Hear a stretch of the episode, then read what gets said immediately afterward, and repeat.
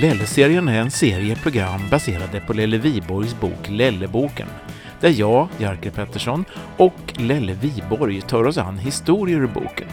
Boken kan köpas i Tyresö bokhandeln, i nätbokhandeln och direkt från författaren själv på Lelle-sidan på Facebook. Lelle-serien hör du på Tyresö-radion.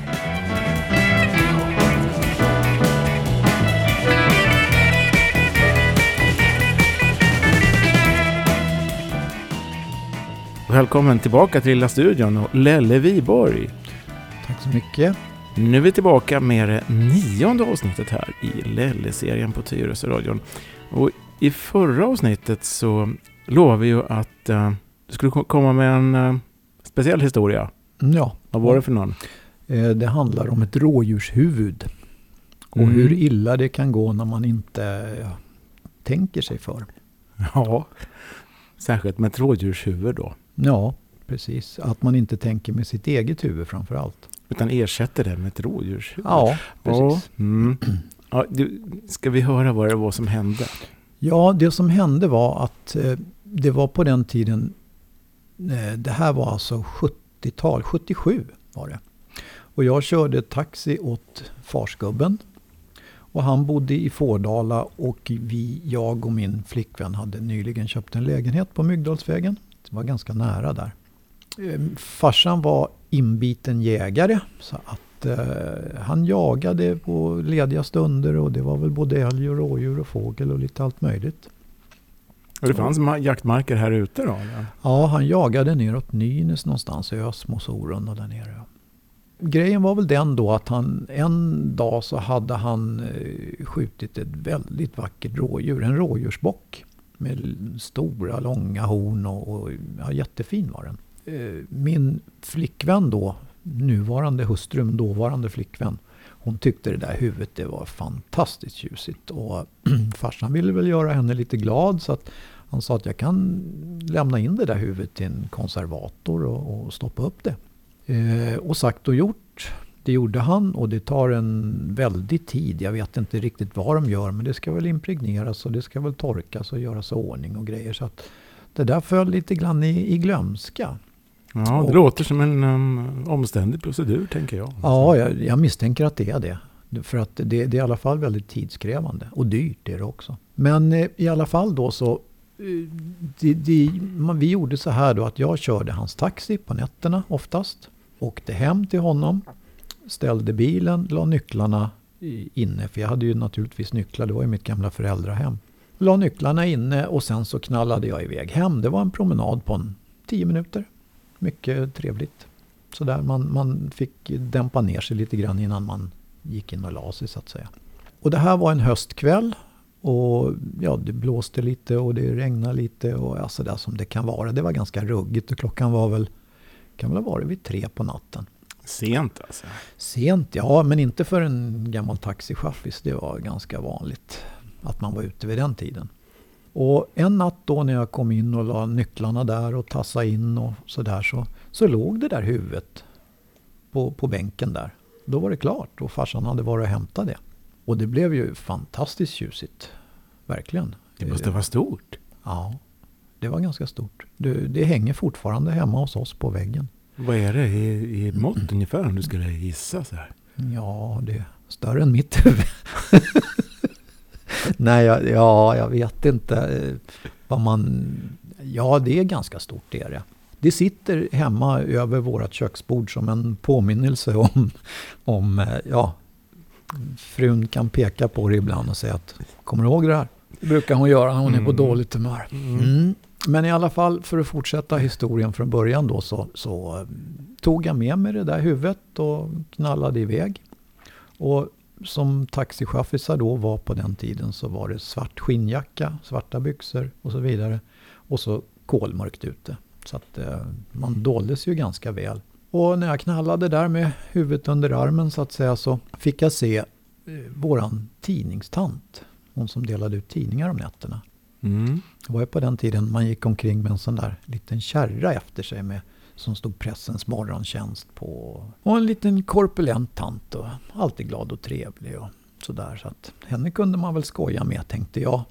Arma, tänkte du ja. Ja, arma människa. Ibland, ibland så tänker man lite fel.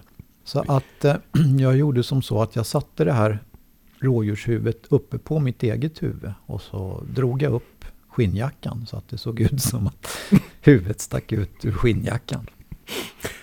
Och, och, ja, hon kom ju knallande med sin kärra där och, och precis när vi möttes så, så, vände jag mig mot henne och så la jag upp ett riktigt sånt där hiskeligt tjut. Och det gav effekt. Önskad effekt och lite till. Alltså så här i efterhand så kan man ju fundera på, jag hade ju kunnat skrämt ihjäl tanten naturligtvis. Jag menar hon kommer knallande där med sin kärra och så tittar hon på någonting med två långa stora horn och blanka ögon som tittar upp liksom och, och ett tjut. Oj. Ja. Så det åkte tidningar över hela Myggdalsvägen och kärran välte och tanten hon försvann som en avlöning. Det var, såg bara skosulorna försvann upp i backen där. Ja, jag tänkte nu, nu har jag gjort bort mig. Och jag plockade ihop tidningar och jag ställde kärran och väntade på att hon skulle komma tillbaka. Men det, det gjorde hon ju inte förstås. Hon var borta. Hon, hon hade fått nog för den natten. ja, oj, oj, oj. i alla fall så där hade ju den här historien kunnat slutat då. Att jag hade gått hem. Och, men ibland som sagt så, så blir det ju som det blir. Så jag tänkte att det här var ju i och för sig ganska roligt. Och skadan var ju redan skedd. Så att tänkte jag skulle väl ta och skoja lite med min flickvän också. Så att jag kom in med det där rådjurshuvudet och hon låg ju naturligtvis och sov. Och på den tiden så hade vi inte så... Vi hade, hon låg alltså med huvudet i fotändan på våran säng därför att vi hade inte hunnit sätta upp någon sänglampa. Utan hon använde sig av skrivbordslampan och, ja, för att få lite ljus. Hon hade väl legat och läst innan hon somnade. Så att jag smög in där och ruskade lite i henne och så körde jag fram det där rådjurshuvudet. Och så, jag hade ju övat på det här ljudet innan. Så att jag la upp ett kanske ännu mera skärande ljud. Och det gav också effekt kan man säga.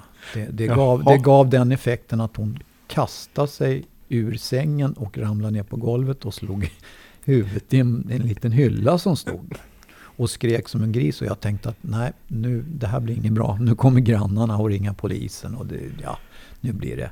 Men det, det, det gjorde ingenting. Grannarna, eller gjorde det, det hände ingenting. Mer än att det var ju ett förskräckligt tilltag naturligtvis. Men det kom inga grannar och poliser och sånt där. Utan om jag säger så här att det, det gick åt en del ursäkter. Och det gick åt en och annan blomsterkvast för att jag skulle bli tagen till nåder igen och få bo kvar i vår mm. nya lägenhet. ja, ja, det... och, ja, och som, som, som då en, en ständig påminnelse då så sitter det här rådjurshuvudet ovanför våran, våran matplats. Och man, där kan man ju då slänga en blick ibland och fundera över hur, att jag, tror, jag, jag, vill gärna tro att man har mognat lite i, i, i, klumpen och inte skulle göra en sån där grej idag. Men jag är inte riktigt säker. Nej, det, om det händer något hemma så händer det då att din fru eh, kastar en blick på ja. rådjurshuvudet mm. och påminner dig, eller? Ja, det händer.